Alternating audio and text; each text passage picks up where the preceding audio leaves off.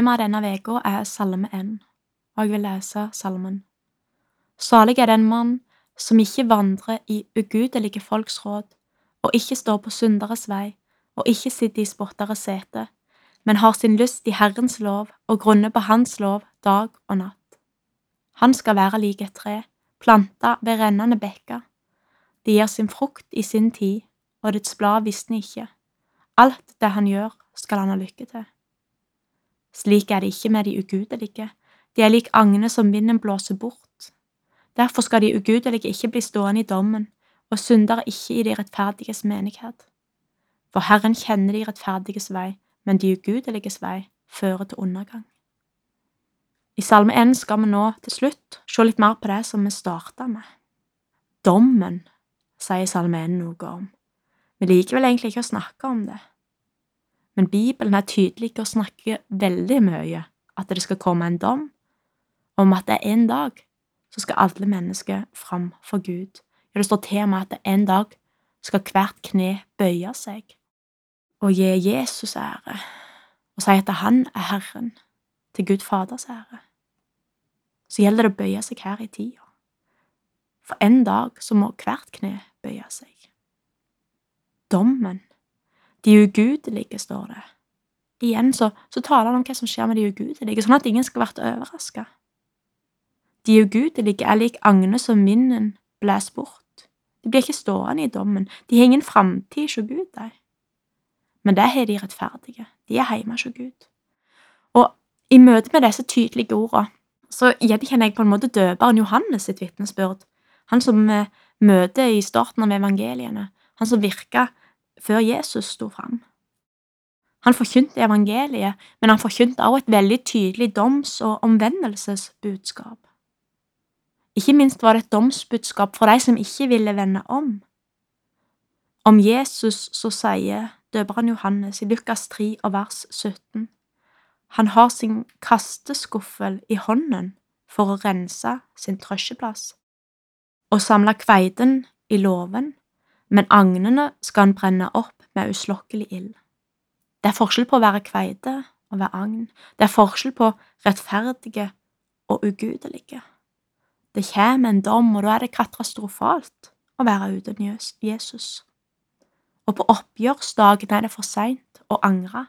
Det er evig atskillelse. Hvordan står det til med deg? Har du levd fullkomment?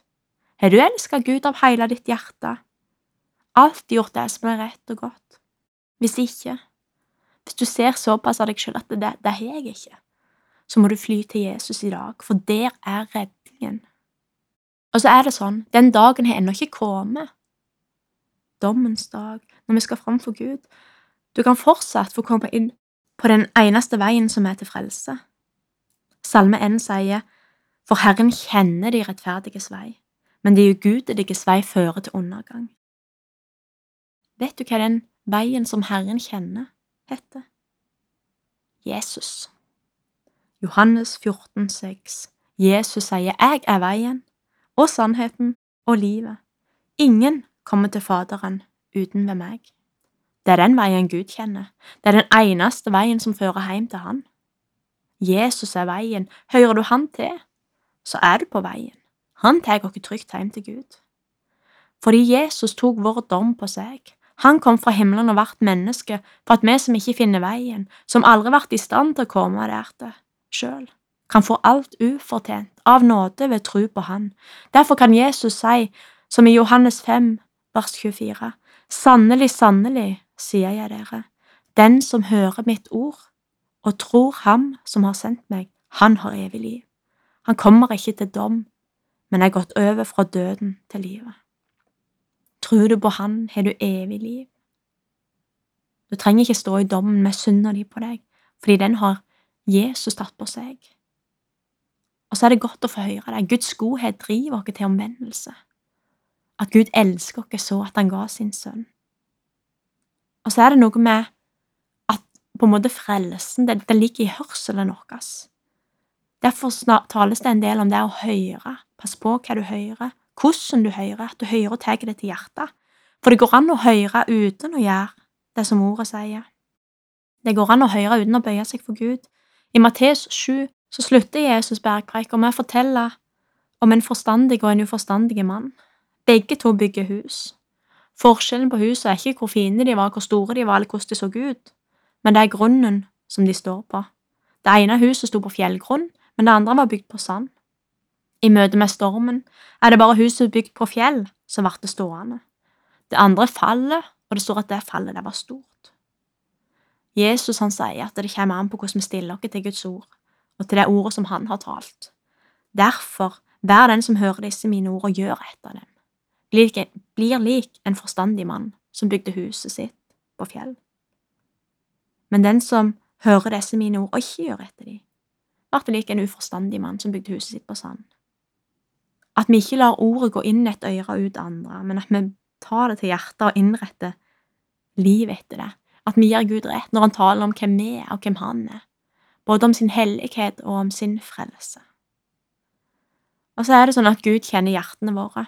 Her på jorda så kan vi se kjennetegn på om noen hører Jesus til, men det er mye som er usynlig for oss. Men Herren ser alle ting. En dag så skal det åpenbares for alle hvem som var en kristen, og hvem som bare later som. Jeg vil avslutte med 1. Johannes brev kapittel 5, vers 12 og 13. Den som har Sønnen, har livet. Den som ikke har Guds sønn, har ikke livet. Dette har jeg skrevet til dere for at dere skal vite at dere har evig liv, dere som tror på Guds sønns navn. Far i himmelen, takk fordi at det, det handler om Jesus, om å ha han, om å tro på han, eie han. Takk fordi at den som har Jesus, vil du føre gjennom dette livet og, og hjem til deg. Bevar oss i trua, og vekk opp om det er noen som ikke kjenner deg.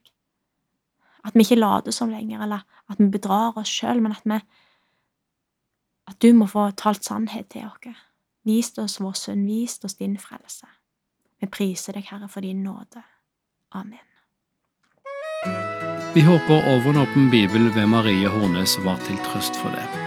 Ønsker du forbønn, så kan du ta kontakt med oss på e-post postalfakrøllnorea.no, eller ringe oss på vår forbundstelefon som er åpen hver fredag mellom 9 og 11.30. Bruk telefonnummeret 38 14 50 20. 38 14 50 20.